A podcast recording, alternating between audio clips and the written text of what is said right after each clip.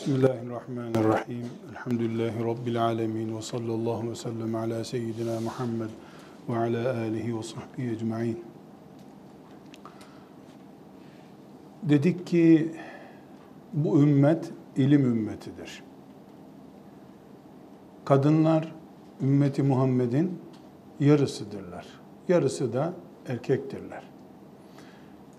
Ümmeti Muhammed'in Allah'tan öğrendiği ne varsa yarısı da kadınlara aittir. Allah'ın ümmeti Muhammed'e yasakladığı ne varsa yarısını da kadınlara yasaklamış demektir. Her şeyde kadın Allah'ın kuludur. Kulluk gereği bir mümin ne yapıyorsa kadın da ondan sorumludur. İlim ümmeti Muhammed'in farklı değerlerindendir dedik. Biraz sonra hadisi şerifler göreceğiz ki ilim dediğimiz şey sadece kültür edinmek için veya insanların arasında farklı olmak için herhangi bir ibadeti öğrenmiş olmak için elde edilen bir referans değildir. İlim müminin cihadıdır. Müminin Allah'a yaklaşırkenki enerjisidir, her şeyidir diye inanıyoruz. İki hadisi şerifi dikkatli bir şekilde ele alacağız. Her ikisi de Bukhari'den ve Müslim'den alıntıladığımız hadisi şeriftir. Bir tanesini çok defalarca duymuş olmamız gerekiyor. Abdullah İbni Mes'ud radıyallahu anh diyor ki Resulullah sallallahu aleyhi ve sellem şöyle buyurdu. La hasede illa fisneteyn. İki kişiden başkasına gıpta etmek yoktur. İmrenilecek, kıskanılacak, özenilecek iki kişi vardır.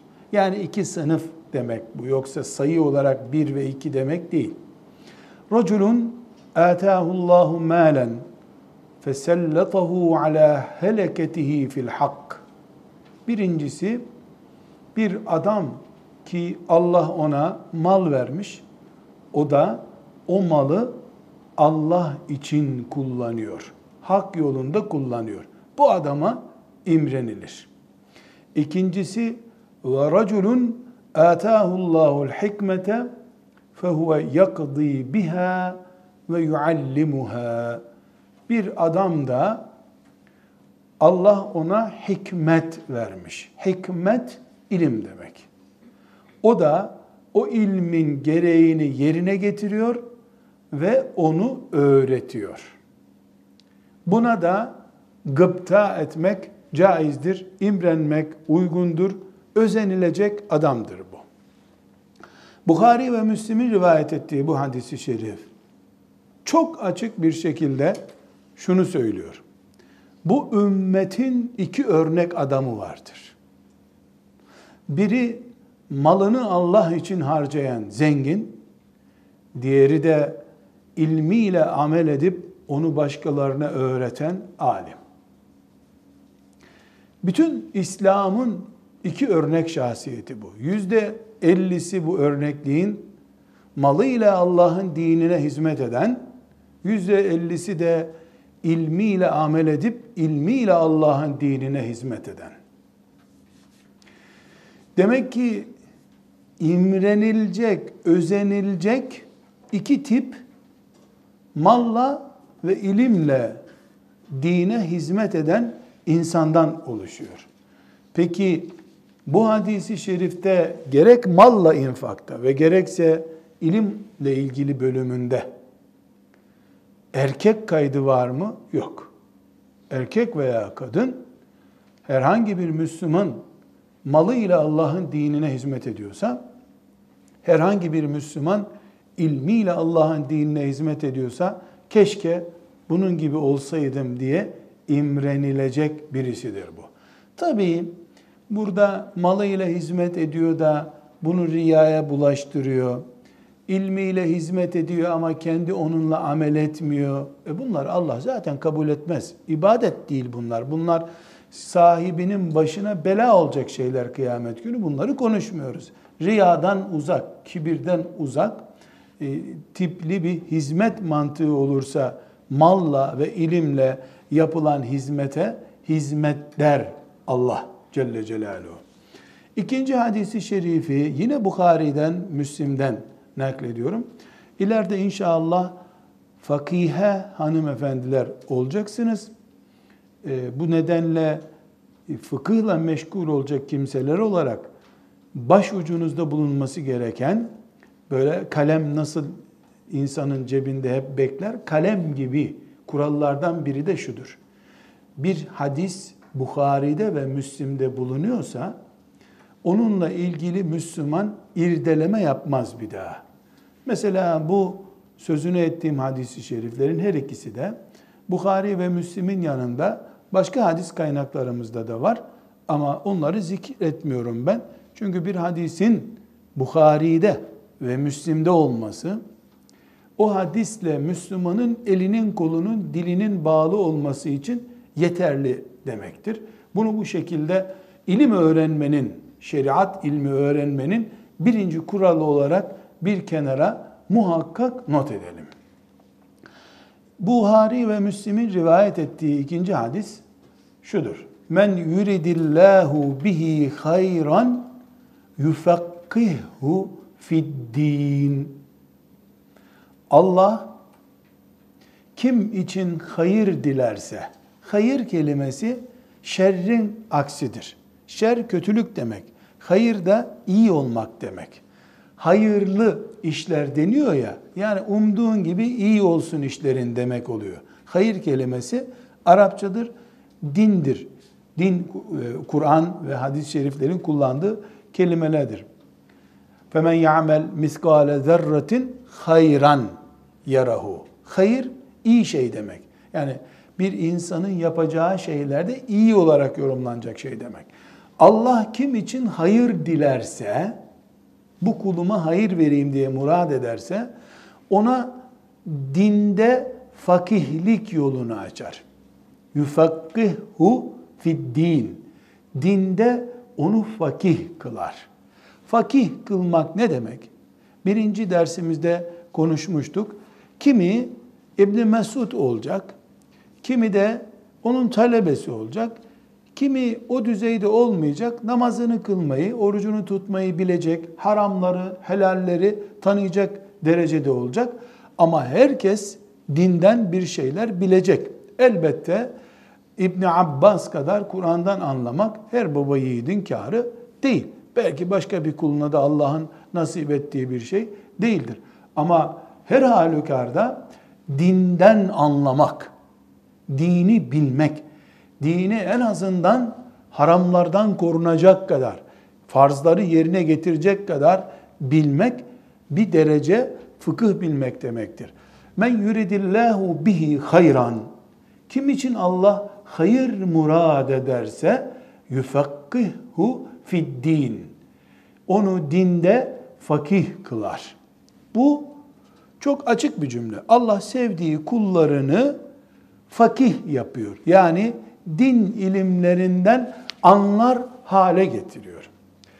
Hanımefendiler burada İbn Hacer el-Askalani'nin bir tespitini nakledeceğim. Bana ait bir görüş değil. Ee, İbn Hacer kimdir? Ee, bunu da izah etmemizde fayda var. Çünkü ilim meclisinde söz nakledilirken bir gazeteden manşet okunur gibi nakledilmez. İbn Hacer el-Askalani'den naklediyoruz dediğimiz zaman onun bir ilmi kimliği vardır müminler arasında. Bu kimlik hangi sahada yaygınsa o belirtilir yahut da dinleyenler İbn Hacer'i tanıyorlardır.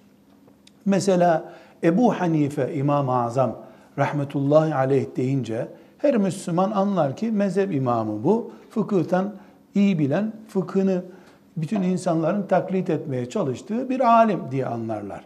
Dolayısıyla fıkıhla ilgili bir bilgiyi ondan öğrenmek onlar için tereddütsüz bir konu olur. Ama başka bir alim mesela Malik bin Enes e, rahmetullahi aleyh hadisle meşhur, hadis bilgisindedir.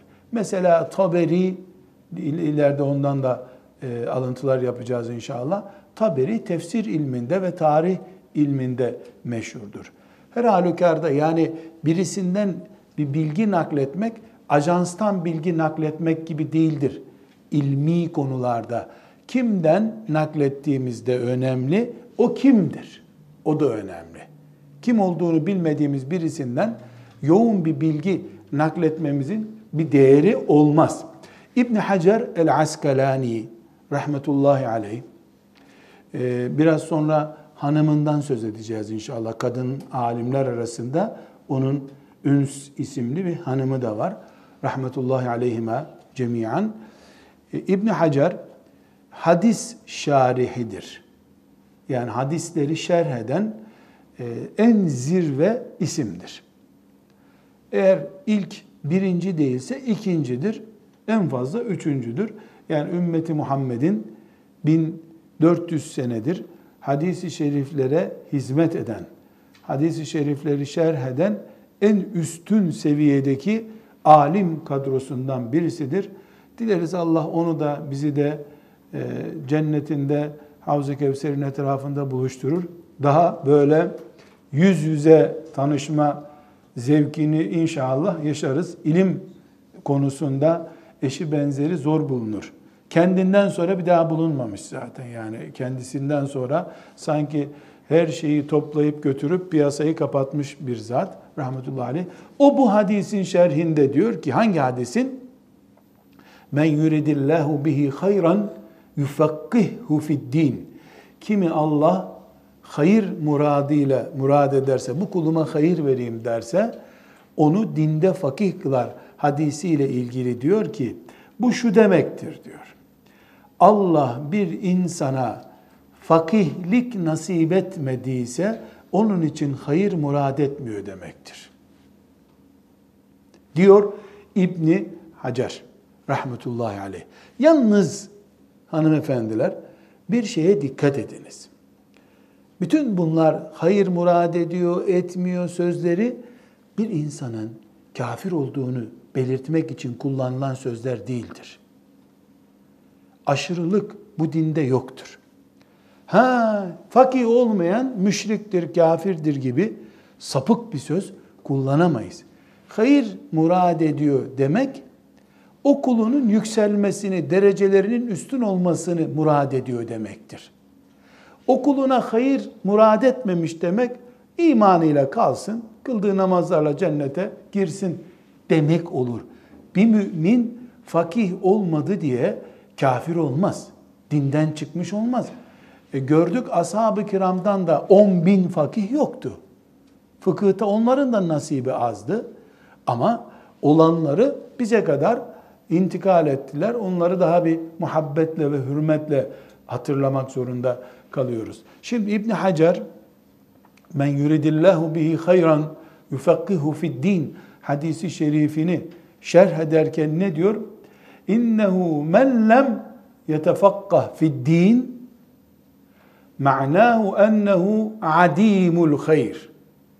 Kimin dinde fıkıh o sahibi olma, dini anlama, fakih olma nasibi yoksa hayırda kıtlığı var demektir. Hayır onun için açılmamış bir kapı demektir. Bunlar ne çıkıyor?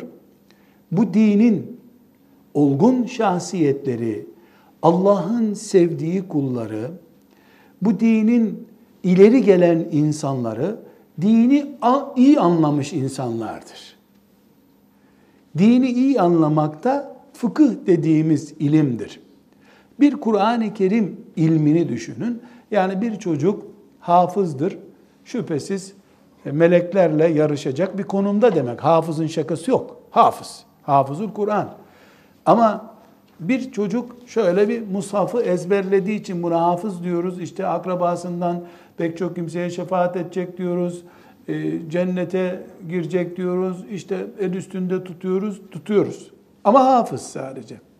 Bu hafızın bir de Allah bu kitabında ne anlatıyor diye satır satır anladığını düşünelim. Fıkıh bu işte. Birisi babasından kalmış bir ton altın kasada bekliyor. Öbürü de onunla ticaret yapıyor. Bir tonu iki ton yapıyor. 50 sene sonra beş ton altını oluyor. Kur'an'ı, hadisi şerifleri ezberlemek şüphesiz şerefli bir iş. Şerefli bir iş. Ama asıl olan Allah'ın hayır murad ettiği onu pratiğe dökme şansını kuluna ihsan etmesidir. Bu çok büyük bir nimettir. Bu büyük bir şereftir. Kul bunu şerefle şeref yap olduğu zaman bunun için Rabbine şükretmesi lazım. Ne anladık kısaca? Bu ümmette övülecek, peşinden gidilecek, eli öpülecek, Allah razı olsun, dinimize ne büyük hizmet yaptın diyecek iki insan varmış demek ki. Biri Allah'ın dinine malıyla hizmet eden cömert zengin. infak ediyor. Zaten e, hadisi şerifi hatırlıyorsunuzdur. E, Resulullah sallallahu aleyhi ve sellem Efendimiz arşın gölgesinde gölgelenecek. Yani hiç cehennem, sırat böyle bir şey yok. Mezardan kalkacak, cennete bile değil, arşı alanın gölgesine misafir olarak konacak yedi insandan birisi kimi sayıyor? Sağ eliyle yaptığı hayrı sol elinin bile bilmediği cömert bir insan ve riya yapmayan zengin. Zengin böyle değerli biri. İkincisi de bildiği ilimle amel eden ve onu başkalarına da öğreten alim insan. Bu iki kişi bu ümmetin sivri şahsiyetleri, örnek ve önder şahsiyetleri olarak gözümüzde e, değerlidir. Hadis-i şeriften öğrendik. Sonra dedik ki başka bir hadisi şerifte Bukhari ve Müslim'in rivayet ettiği başka bir hadisi şerifte Allah bir insan için onu yükseltmek, onu e, cennetin de üst makamlarına kaldırmak istiyorsa onu fakih yapıyor. Fıkıh bilgisi sahibi yapıyor. O da biraz önceki hadiste gördüğümüz gibi o fıkıh bilgisiyle hem amel ediyor hem de ümmeti Muhammed'in çocuklarına, büyüklerine, kadınlarına, erkeklerine o ilmi öğretiyor.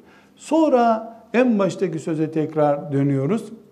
Peki bütün bu sayılanlarda kadınlar hariç diye bir kural var mı? Hayır. Kadın erkek aynı.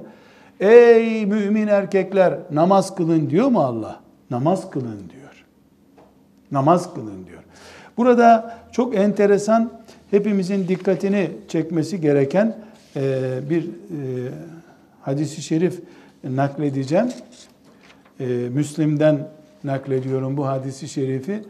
Siz hanım kızlarım ve ümmeti Muhammed'in ilmi erkeklere mahsus zanneden, kadını da sadece doğuracak, kocasının hizmetini zannedecek diye yeren anlayışa karşı Resulullah sallallahu aleyhi ve sellemin hanımı, bizim de anamız Ümmü Seleme radıyallahu anhadan bir nakil yapacağız burada. Bunu da Müslim'den 2295. hadisi şerif olarak naklediyorum. Yani bu hadisi şerif Müslim'de sabit. Ee, bütün bu, bu hadisi neyi belgelemek için söylüyorum? Şimdi ey müminler cihad edin erkekler. Ey müminler oruç tutun erkekler. Kütübe aleykumus sıyam. Size oruç farz kılındı erkekler. Diyor musun? Yok. Niye demiyorsun? Ya Allah size dediğine göre bu ben de Allah'ın kuluyum demeyi gerektiriyor. Daha sonra İbn Hacer'in eşinden Ünse validemizden örnek vereceğim. Bu doğum yapmaya, eş hizmeti görmeye, evde yemek pişirmeye engel değil. Çünkü inşallah örneklerde hep beraber izleyeceğiz. Bu ümmetin koca alimleri, şimdi peşlerinden gittiğimiz din, dini kendilerinden öğrendiğimiz insanlar vakıflardan burs alarak okumadılar hanım kardeşler. Vakıflardan burs alıp okumak şimdi icadı oldu. İlimde de bereket kalmadı zaten. Ama onlar binlerce kilometre yol yürüyerek, aç, sefil kalarak, akşama kadar çalışıp akşam derslere giderek ilim öğrendiler. Allah onlardan razı olsun. Tekrar e, Müslim'deki hadisi şerife dönüyoruz. Anamız Resulullah sallallahu aleyhi ve sellemin hanımlarından olan Ümmü Seleme herhangi birimizin annesinden daha anamızdır o. Bizim evlâ bil müminine min enfusihim ve ezvâcuhum ummahatuhum. Peygamber bize canımızdan değerli. Onun hanımları da analarımızdan daha anadır bizim için. Allah onlardan razı olsun. Ümmü Seleme radıyallahu anha validemiz diyor ki e, havzla ilgili havz nedir? Peygamber Efendimiz sallallahu aleyhi ve sellemin cennette Havz-ı Kevser diye bildiğimiz inna a'taynakel kevser. Havz bu bu konudur. Bu konuyu tam bilmiyordum diyor. Yani bu konudaki hadisleri dinlememiş Ümmü Seleme validemiz radıyallahu anh'a çok merak ediyordum diyor. Bir gün e, odasında otururken e, dışarıda insanlar havuzla ilgili, havzu kevserle ilgili konuşuyorlarmış. Hizmetçisi de Ümmü Seleme validemizin hizmetçisi de Ümmü Seleme validemizin saçını tarıyormuş. Yani oturmuş kadın saçını tarıyor. O da işte saçı tarandığı için sessizce oturuyor. O arada insanlar da etrafta işte evi de Mescid-i Nebi'nin yanında olduğu için orada da dinliyor konuşulanları. E, insanlar Havz-ı Kevser'den konuşurken Efendimiz sallallahu aleyhi ve sellem ey insanlar dinleyin beni diye cümle başı yapmış. Ümmü Seleme validemiz de hizmetçisine demiş ki hani tarıyordu ya saçını. Bırak tarama beni demiş. Bırak yani konuşma var dışarıda ben konuşmaya kulak vereceğim. Meşgul etme. Yani saçımı tarıyorsun çekil önümden der gibi olmuş. Hizmetçisi de demiş ki ona erkeklerle konuşuyor. Yani kadınlara yönelik bir şey söylemiyor. Erkekler orada diyor. Çok dikkat ediniz ne cevap vermiş. Demiş ki kızım ey insanlar diye çağırdı. Ben de insanım. Bana da söyleyecek demiş. Çünkü Efendimiz aleyhisselam etrafında onu dinleyeceklere ey insanlar beni dinleyin dedi ya. Ümmü Seleme annemiz de saçı taranırken bırak meşgul etme beni bu sözü dinleyeyim deyince ya erkeklerle konuşuyor. Sana söyleyeceği bir sözü yok diye hizmetçisi cevap verince ey insanlar dedi ben de insanım demiş. Bu Müslim'de rivayet edilen bir hadisi şerif. Hanım ablalar bundan ne anlıyoruz? Allah ve peygamberi ey insanlar dediğinde bu erkeklere mahsus değil. Ama derse ki size mahsus olmayan bir iştir bu. Mesela cuma namazında. Ey iman edenler ya eyyühellezine amenu İza nudiye lissalati min yevmil cum'ati fes'av ila zikrillah. Ey iman edenler Cuma ezanı okunduğunda Allah'ı zikre koşun. Yani cuma namazına koşun. Ayetinde ey iman edenler diyor. Ama sonra ashab-ı kiramın hanımlarından dinliyoruz. Bakıyoruz ki bize cumaya gelin diyen olmadı. Ha demek ki bu e, bütün müminlere emredilmiş, kadınlar bunun dışında tutulmuş. Siz muafsınız denmiş. Neden muafsınız? Bunun hikmetini Allah bilir ama sadece bir örnek olarak ele alacak olursak, yani cuma namazına gelmemek dinden çıkmaya denk büyük bir suç. E kadınlar doktor raporumu getirecek, her dört cumadan belki iki cumaya yaklaşık olarak gitmemeleri gerekecek. Namaz kılmaları caiz olmadığı için. Her kadının e, cuma kılamaz, camiye gelemez diye doktor raporu getirmesi lazım. Yoksa mahalle camisinde görülmedi, münafık mıdır bu kadın? Kadınların fizyolojisi açısından zor bir nesne olduğundan cuma namazına gitmek, cemaate katılmak ve diğer sosyal yönü olan ibadetler Allah onları muaf tutmuş. Bu muafiyeti de insanlar daha sonra kendiliklerinden oluşturmamışlar. Ey iman edenler! Ezanı duyduğunuzda cuma namazına gelin diyen Allah'ın peygamberi kadınlar gelmesin demiş. Anlaşılmış ki emretmiş. Bu emri de sonra erkeklere mahsus hale getirmiş. Aynı şey kadınlar için de geçerli olur. Herkese emredildiği halde sonra erkekler size değil kadınlara mahsustur bu diye kadınlardan dışlanmış olabilir erkekler, muaf tutulmuş olabilirler. Diyoruz ki Allah bir şeyi emrettiği zaman, Peygamberi aleyhissalatu vesselam bir şeyi emrettiği zaman o emre iman eden herkes dahildir. Ama müstesna çıkarırsa Allah derse ki kadınlar hariç, derse ki çocuklar hariç, mesela e, cihat bütün müminlere farzdır. Ama Kur'an'a bakıyoruz. Leyse alel a'ma diye amalar yani kör olanlar için herhangi bir şekilde e, zarar yoktur diyor. Velel a'raç topala da zarar yok diyor. Cihadı bütün müminlere emrediyor. Sonra da körler ve topallar siz muafsınız, siz izinlisiniz diyor. Bu Allah'ın şeriatının tipi böyle, kuralı böyle. Böyle koymuş Rabbimiz şeriatını, böyle uyguluyor. E, binaenaleyh bir şey emredildiğinde o emir, bir şey yasaklandığında o yasak daraltılırsa koyanı tarafından Allah ve peygamberi tarafından bir sıkıntı yok. Biz daraltamayız, genişletemeyiz. İlim de böyle. İlimi örneklendirmek için bunu söylüyoruz. Allah ilmi bütün müminlere emretmiştir ama kadınlar hariç dememiştir.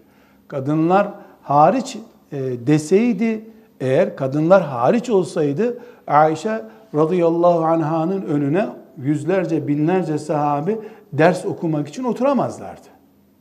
Bizim o zaman e, Ayşe validemizden veya işte Ümmü Seleme validemizden rivayet edilen bir hadis için bu kadından mı öğreneceğiz dinimizi der kapatırdık bu dosyayı. Ama ilmin kadını erkeği yok. İlim dindir. İlim ibadettir. İlim cihattır. İlim hayırdır. İlim Allah'a yükselten fazilettir. E dolayısıyla erkeğin de kadının da bunda muhakkak nasibi vardır. Hiçbir şekilde ne erkek bu bana mahsustur diyebilir. Yani ilim bir erkeğin işidir diyebilir. Ne de kadın biz kadın olduğumuz için cahil kalmak kaderimizdir diyebilir. Ama hiç kimse elbette elbette hiç kimse e, ilmi bahane edip başka görevlerini savsaklayamaz. Mesela namaz kılmayı bahane edip anne olmayı engelleyebilir mi bir kadın? Ki ilmi bahane edip anne olmayı engellesin. Yani bir şöyle bir vaka olur mu? Erkek veya kadın. Rabbimiz ilmi çok övdü. Ben de muhakkak ilim öğrenmek istiyorum. Beni sabah namazına kaldırmayın. Yoksa akşama kadar ders çalışamam. Böyle bir şey denebilir mi? Hem namaz kılacaksın, hem maişetini temin edeceksin. Onun bunun bursuyla yaşamayacaksın. Hem alim olacaksın. İş bu zaten. Öyle kafana bir takılacak da ondan sonra onunla alim olacaksın. Yok öyle bir şey. Kafana bir flash yüklüyorlar. Üç gün sonra sen de Buhari oluyorsun. Bu filmlerde olur. Hayatta böyle bir şey yok. Onun için onurlu, şahsiyetli, ayakta duran, dik duran, alan el durumunda olmayan bir insan olarak, Müslüman olarak ilim yolunda ilerlemek gerekiyor. Şimdi dediğimiz gibi bayanların görev çokluğu, yoğunluğu evet engelleyebilir bir miktar. Bu da neyi gerektiriyor? Her bayan demek ki kitabını, defterini alıp ilim yolunda cihada, gurbete çıkacak durumda değil. Hem e, bayanlık görevlerini yapıp hem Rabbinin farzları, namazları, oruçlarını yerine getirip hem de ilim öğrenecek kapasitesi olan kadınlar bu işi yapacaklar. Erkeklerde de böyle. Erkeklerde de böyle. E, Ebu Hanife öyle alim oldu. Ne oğlu ne babası alim olmadı ama. Bu bir nasip meselesi. İbn Mesud'un oğlu İbn Mesud gibi değil radıyallahu anh. Ashab-ı kiramdan bile kendileri kadar alim yetiştirmiş çok kimse yoktur. Bir Abdullah İbni Ömer var. Ömer bin Hattab'ın oğlu yani babasından da daha alim. Çok yaygın değil. Demek ki kapasite meselesi, nasip meselesi veya bu deryadan herkes nasibi kadar alacak. Herkes büyük muhaddis olacak diye bir kural yok. Ama Riyazu Salihin okuyup anlayacak kadar herkes bilebilir. Gibi bir örnekle bunu açıklarız. Kardeşler, kadınların ilim dünyasına dalışını konuşmak istiyoruz. Şimdi e, bir iki örnek verip ashab-ı kiramın e, kadınlarının ilme nasıl e, yanaştıklarını veya ilmi nasıl elde ettiklerini konuşmamız gerekiyor. Ancak küçük bir paragraf açmak gerekiyor kardeşler. Şimdi biz ilim deyince bu salon gibi salonları hep hatırlıyoruz. Yazılı kitaplarımız, defterlerimiz, bilgisayarlarımız, şimdi cep telefonlarımız, yani e, mesela maazallah bir insanın bilgisayarı olmasa nasıl okul okur herhalde diye düşünüyoruz. Büyük büyük okullar, böyle bir anlayışımız var. Çünkü biz e, çok modern çağda insanoğlunun eline çok olağanüstü teknolojilerin, nimetlerin ulaştığı bir çağda doğduk, büyüdük. Bize göre ilim böyle elde ediliyor. Şimdi ashab-ı kiramın ilminden e, söz ettiğimiz zaman ve hemen hemen ondan sonraki ilim e, nesli olan tabiinin ilminden söz ettiğimiz zaman yani böyle aklınıza okul falan gelmesin. En iyi ihtimalle, en iyi ihtimalle mahallelerinde bir cami vardır. O camide de çakıl döşelidir cami zaten. O çakılların üstünde bir hoca olacak şahıs oturuyordur. Etrafında da 5-10 kişi vardır. Oturup onu dinliyorlardır. İlim dediğim bu, okul dediğim bu. Ama bu lüks. Çok zengin mahallelerde böyle. Öyle şimdiki gibi yani kalemli, defterli, kitaplı, bilgisayarlı, laptoplu böyle bir şey yok ortada. Olması da makul değil. Var desek de inandırıcı olmaz bu zaten. Ama o zamanki insanların da buna karşılık nesi vardı? Ciddi zekaları vardı. Mesela İbn Abbas'tan e, bir nakil yapılıyor. Hepimizin için önemli bir örnek bu. Bilgisayar çağının çocuğunun anlaması gereken bir örnek bu. E, bir şair onun önünde 75 kıtalık bir şiir okuyor. 75 kıta herhalde 3-4 e, sayfaya yakın yapar zannediyorum e, şiir dizisi olarak. E, İbn Abbas'ın önünde okuyor. Şimdi sanat gücünü, şiir yeteneğini gösterecek. Adam kendi yazmış bunu bir şiirden alıntı filan değil. Kendi şiirini okuyor adam. İbn Abbas da ya bir tekrar edeyim bakalım aynen anlamış mıyım diyor. Şiiri adama tekrar okuyor. Burada enteresan bir örnek var tabi. Yani 75 satır olsa sadece bu. Ee, bir adam ilk defa duyuyor. Duyduğunu arkasından hemen tekrar kendi yazdığı bir şiir gibi karşısındakine okuyor.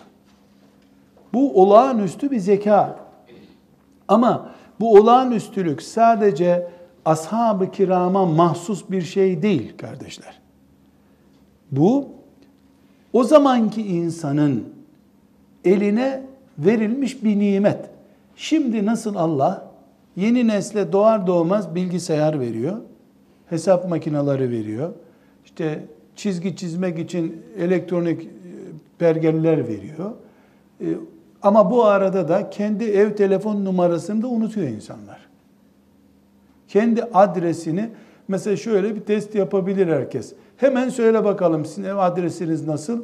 Bakalım Seri İbn Abbas gibi kendi adresini adam 15-20 senedir oturduğu ev adresini tekrar edebilecek mi?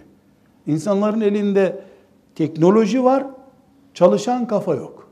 Onların elinde teknoloji yoktu, teknoloji gibi kafaları vardı. Yani bu demek ki bir grubu Allahu Teala bir çeşit nimetiyle nimetlendirdi, öbürünü vermedi.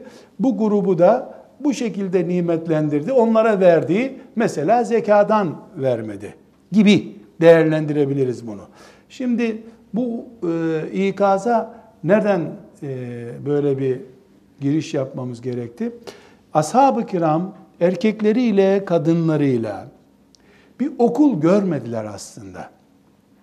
Peygamber sallallahu aleyhi ve sellem Efendimiz'i dinlediler.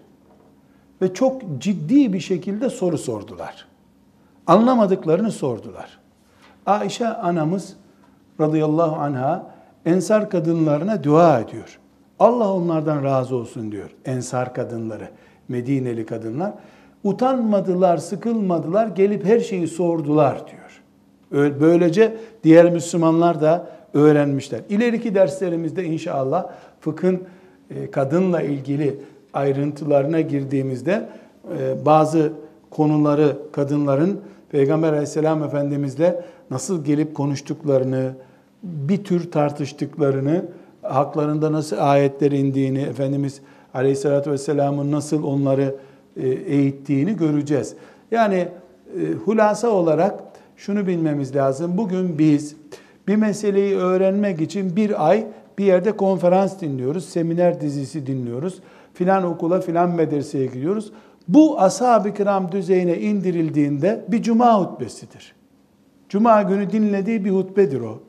Yahut da bir yerde Peygamber aleyhissalatü vesselam Efendimiz'e biraz sonraki örneklerde göreceğimiz gibi bir soru sormuştur bir kadın, bir erkek. O soru e, ilim olarak bize intikal ederken ciltler dolusu bir ilme dönüşmüştür. Neden? Neden onlarda bir cuma hutbesi bizde bir senelik eğitime dönüşüyor? Çünkü biz problemli kafalarız. Bizim ikna olmamız, ashab-ı kiramın ikna olması gibi değil. Peygamber aleyhisselam Efendimiz 20 defa bir şeyi söyleyecek vakti yoktu zaten. Ashab-ı kiramda bir şeyi 20 defa söylettirmiyorlardı. Böyledir, böyledir. Öl öl, şehit şehit, ver ver, al al, bu kadar. İman güçlü. Şimdi biz bin bir badire atlatarak, şuradan buradan derlenmiş kafa sahipleri olduğumuz için, neticede karşımıza çıkan e, karma karışık bir kafa yapısı var. Bizim bir şeyin helal haram olduğunu öğrenmemiz için işte epey dersler gerekiyor. Çok yoğunuz. Kafamız yoğun. Boş işlerle de yoğun, karışık işlerle de yoğun, kaliteli işlerle de yoğun. Şimdi burada hanımefendiler bir örnek üzerinden devam edeceğiz. Ümmü Süleym isimli bir kadın, e, bunu da Müslim'den naklediyorum bu hadis-i şerifi de. Ümmü Süleym isimli kadın Resulullah sallallahu aleyhi ve sellem Efendimiz'e geliyor. Şu konuşma tarzını örneklendirmek için bu hadis-i şerifi okuyorum. Bu kadın Efendimizin akrabası değil, yeğeni değil, kızı değil, baldızı değil. Bir şey. Bu Medineli bir kadın. Bir konuyu merak etmiş, gelmiş Peygamber aleyhisselam Efendimiz'e konuştuğu tarza bakın. Şimdi biz, şimdi biz yaşadığımız bunca modernizm, eğitim, sosyal hak, iletişim, teknoloji, bildiğimiz bütün kelimeleri kullanmaya rağmen bir alime böyle sorabilir miyiz? Siz bayanlar olarak mesela kendiniz bir test edin kendinizi. Bakalım bu konuşmayı bu kadıncağız Peygamber aleyhisselamla yaptı. Siz bakın o bir alimle yapabilir misiniz? Bu soru Peygamber aleyhisselam efendimize sorulduğunda kesinlikle Peygamber efendimiz 85 yaşında bastonlu bir hacı dede değildi. E, 63 yaşında vefat etti. En ileri ihtimalle 60 yaşındaydı Efendimiz Aleyhisselam. Bilemedin 61 yaşındaydı. Daha delikanlıydı. E, bu kadın çocuk değildi. Bu kadın da 100 yaşında değildi. Merak ettiği şey zaten 50 yaşından daha yukarı bir kadının merak edeceği şey değil. Kadın genç. Ama şimdi birkaç örnek zikredeceğim. Kadın ilim meraklısı. Dinini öğrenmeyi kulluğunun gereği görüyor. Dolayısıyla utanmak, sıkılmak, yorulmak, eziyet çekmek, kızar bana, ayıp olur, gülerler bana. Böyle bir derdi yok kadının. Ben Allah'ın dinini öğreneyim de kim ne derse desin. Gelmiş Ümmü Süleym radıyallahu anh'a Allah ondan razı olsun. Çünkü bizim de bütün bunları konuşmamıza ve pek çok fıkıh e, meselesini öğrenmemize vesile oldu. Diyor ki ya Resulallah inna Allah la yestahyi minel hak. Allah hakkın konuşulmasını ayıp saymaz. Yani hak olan, doğru olan bir şeyi sormamda ayıp yok diye kendi söylüyor. Bu peygamber sözü değil aleyhissalatü vesselam. Ümmü Süleym'in sözü bu. İnna Allah la yestahyi minel hak. Kadın Kur'an terbiyesi görmüş bir kadın olduğu için bu Kur'an'dan alıntı bir kavram. Allah niye ayıp saysın ki bunu? Fehel alel mar'eti min guslin izehtelemet. Kadın ihtilam olduğunda gusletmesi gerekir mi? Kadın ihtilam olduğunda. İhtilam ne demek hanımefendiler? İnsanın uyurken genelde e, cinsel ilişki ve benzeri tahriş edişi bir pozisyona girip cinsel ilişkideymiş gibi genellikle zannederek menisinin, sperminin kendinden boşalmasıdır. Bu umumen erkeklere ait bilinir. Yani erkek ihtilam olur.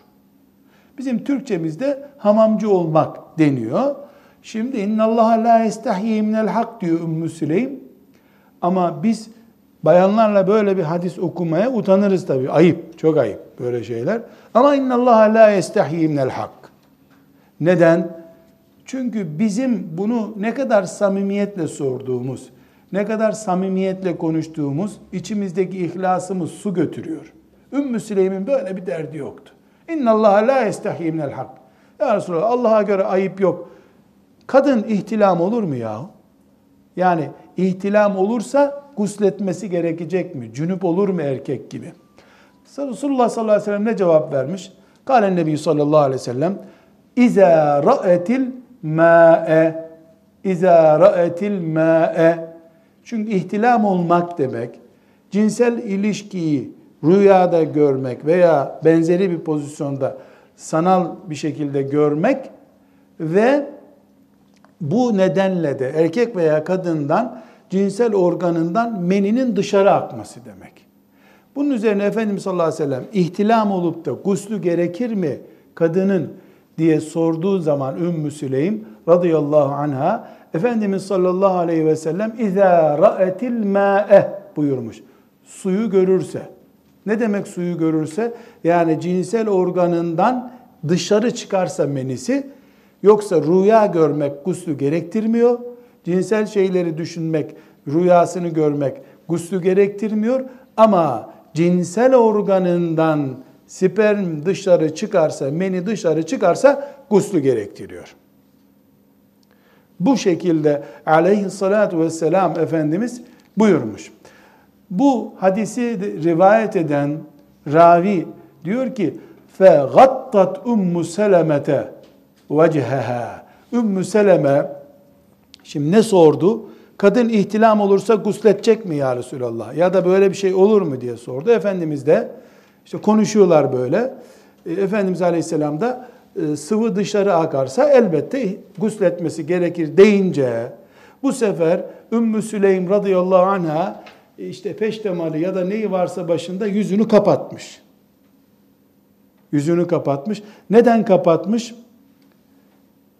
Utanmaya başlamış bu sefer. Hani Allah utanmaz dedi ama iş sorunun cevabı o şöyle tahmin ediyordu herhalde. Yok öyle bir şey olmaz Ümmü Süleym demesini bekliyordu Efendimiz Aleyhisselam'ın. E, elbette olur deyince kadıncağız sana böyle bir şey mi oldu filan diyeceğini zannetti Efendimiz. Utandı, haya etti, yüzünü kapattı. Yüzünü kapatınca çekip gitmedi ama. Sormaya devam etmiş. Eva tehtelimul mar'atu ya Resulallah. Yani erkekler gibi kadınlarda da böyle şeyler oluyor mu? Ya Resulallah diye sormuş. Yani kadın da bir hayal kurma, rüya görme üzerine onun da menisi akıp e, cinsel organından dışarı çıkar. Bu, bu ayrıntı kadınlar için de oluyor mu diye sorduğunda ikinci soru ama bu ikinci soruyu sorarken de yüzünü kapatmış artık. O zaman da iyice utanmış. Şahsına mal olacak bu soru. Yani sen böyle bir durumda mısın der diye endişe etti ya da Allah bilir içindeki duygusunu. Kadının Allah ondan razı olsun. Efendimiz buyurmuş ki be hayır göresi kadın, be hayır göresi kadın. Çocuk anasına nasıl benziyor o zaman? Çocuk anasına nasıl benziyor? Ne demek çocuk anasına nasıl benziyor? Ya tıpkı erkekten belli bir sıvı geldiği gibi kadından da geliyor. İki sıvının birleşmesinden çocuk yaratılıyor. Bazen çocuk babaya benziyor, bazen anneye benziyor. Hangi sıvı daha çok geliyorsa, hangisi galip geliyorsa o çocuk ona benziyor. Şimdi Müslim'den bu hadis-i şerifi okuduk. Allah Müslüme de rahmet eylesin. Bu dostlarına da rahmet eylesin. Onlardan razı olsun. Bize bir dünya kadar ders bırakıyor. Bir, şimdi Efendimiz sallallahu aleyhi ve sellemin huzuruna gelip ensardan bir kadının nasıl soru sorduğunu görüyoruz. Ve kadın kendini Kur'an'a dayandırıyor. Allah haktan utanmaz ya Resulallah diyor. Ben hakkı konuşacağım diyor. Soru soruyor. İyidir, doğrudur diye Efendimiz sallallahu aleyhi ve sellem onun o cümlesini cevaplandırmıyor. Kadın en mahrem ancak kocasıyla konuşabileceği, bir kızın babasıyla bile konuşmakta haya edeceği bir şeyi peygamberiyle konuşuyor. Peygamberi çok net cevap veriyor. Evet kadında ihtilam olur. İhtilamı sıvısı dışarı akarsa guslu gerektirir diyor. Böylece fıkıh bölümünden bir bölüm öğretilmiş oluyor. Sonra kadın tatmin olmuyor. Eve eve tehtelimu el mer'atu ya Resulallah. Hiç kadın ihtilam olur mu? Erkek ihtilam olur. Eve tehtelimul mer'atu diye kadın bir tür nasıl olur demek istiyor. Bu nasıl olacak? Efendimiz Aleyhisselam buna mantıklı bir cevap veriyor bu sefer. Çocuk anasına nasıl benziyor diyor. Niye nasıl benziyor?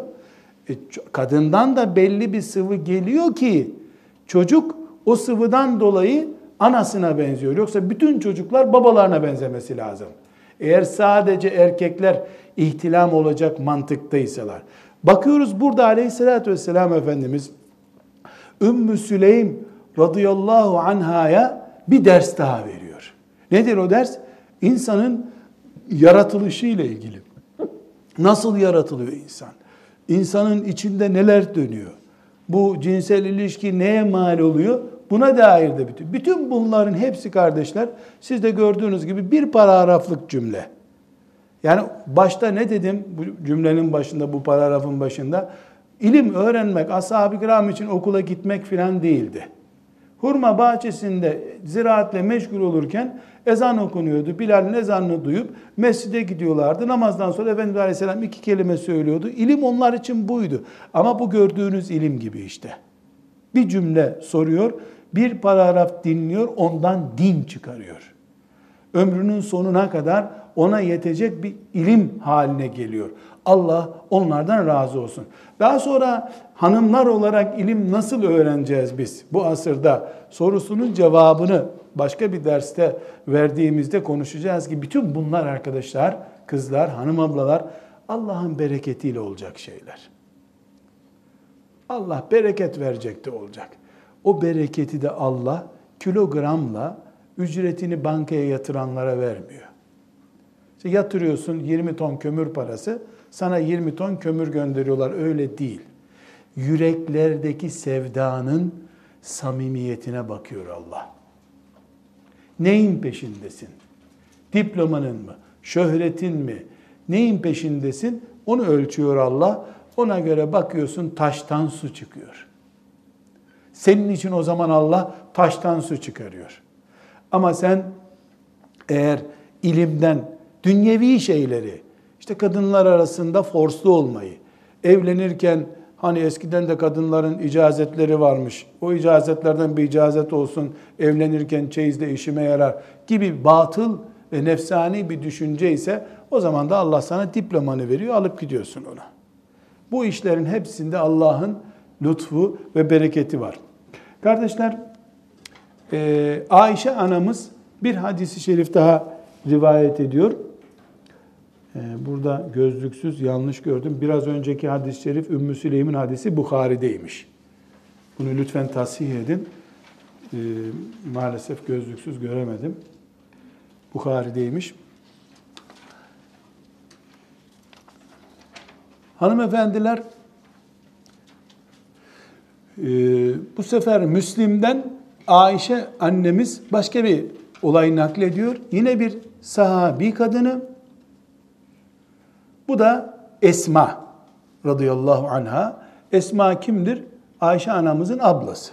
Yani Efendimizin baldızıdır. Efendimizin hazır evine gelmiş. Bu Esma validemizin de Siret-i Nebi'de çok ismi geçer. Yani Ebu Bekir'in büyük kızı radıyallahu anha. E, Efendimiz Aleyhisselam'ın buna da işte baldızı olduğu için evine girip çıktığından dolayı belli bağlantıları var.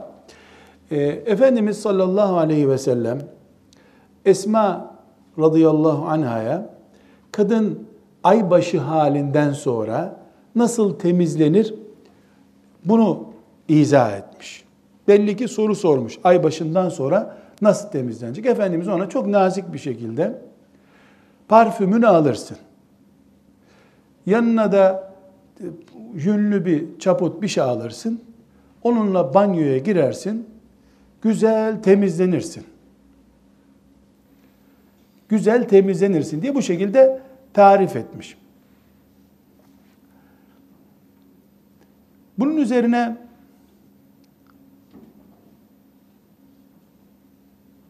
ashab-ı kiramdan bir kadın olarak dinlemiş. Yani neyi dinlemiş? Aybaşı halinden sonra, tabi kadının çamaşırında da kan var. E, gusledecek. Efendimiz de temizlenirsin deyip genel bir cümle kullanmış. Demiş ki ya Resulallah nasıl temizleyeceğim ki kanı ben? Şimdi genel abdesti tarif etmiş ona gusül abdestini. Kadın ilave bir soru soruyor. Kanı nasıl temizleyeceğim ben demiş. Bundan anlaşılıyor ki çamaşır suyu yok. Deterjan yok. Bir gün önceden suya koyacak yedek çamaşırı yok. Çamaşırda da kan var. Bu kanı da nasıl temizleyecek? Efendimiz sallallahu aleyhi ve sellem çok enteresan. Erkeklerin en naziği, insanlığın en naziği. Subhanallah, tetahharine biha demiş. Subhanallah. Yani bu soruyu bana niye soruyorsun ya? İşte bir türlü temizlen ya demiş. Bu arada kadın guslü öğrenmek istemiyorum. Yani benim asas derdim kan nasıl temizlenecek demek istiyor herhalde. Efendimiz sallallahu aleyhi ve sellem tekrar ona işte pamuk bir bezi alırsın, kumaşı alırsın, sürterek temizlersin diye tarif etmiş tekrar. Hanımefendiler bir kere daha ashab-ı kiramın kadınlarının dinleriyle ilgili gördükleri bir şeyi nasıl çekinmeden, sıkılmadan önlerine sorun olarak konmuş bir şeyi Resulullah'tan öğrendiklerini görüyoruz. O kadar ki naziklerin naziği peygamberin benim çok üzerine gelince Subhanallah tetahharine biha demiş. Ya tamam işte Subhanallah bir insanın sinirlenince söyleyeceği şeydir. Ya la ilahe illallah deniyor ya şimdi sinince Allah ve la kuvvete illa billah. Onun gibi bir ifade bu yani. Subhanallah. Yani niye beni fazla konuşturuyorsun? Anla işte diye ikaz etmiş aleyhissalatü vesselam Efendimiz. Allah onlardan razı olsun. Bir şeyi perçinlemek için bunları defaatlerce vurguluyorum. Din erkek veya kadın dini değildir. Müminlerin dinidir. Hiçbir şekilde dinin emirlerinden biri Allah ve peygamberi tarafından bu erkeklere veya kadınlara mahsustur denmedikçe de daraltılamaz. Din mümin olan herkesindir ilim de dinin bölümlerinden bir bölümdür. Hiçbir şekilde erkeklerin tapulu malı değildir. Kadınların da tapulu malı değildir. Kadınlar da ilim yolunda cengaverlik yapmaya müsaittirler. E, ashab-ı kiramın kadınları işte.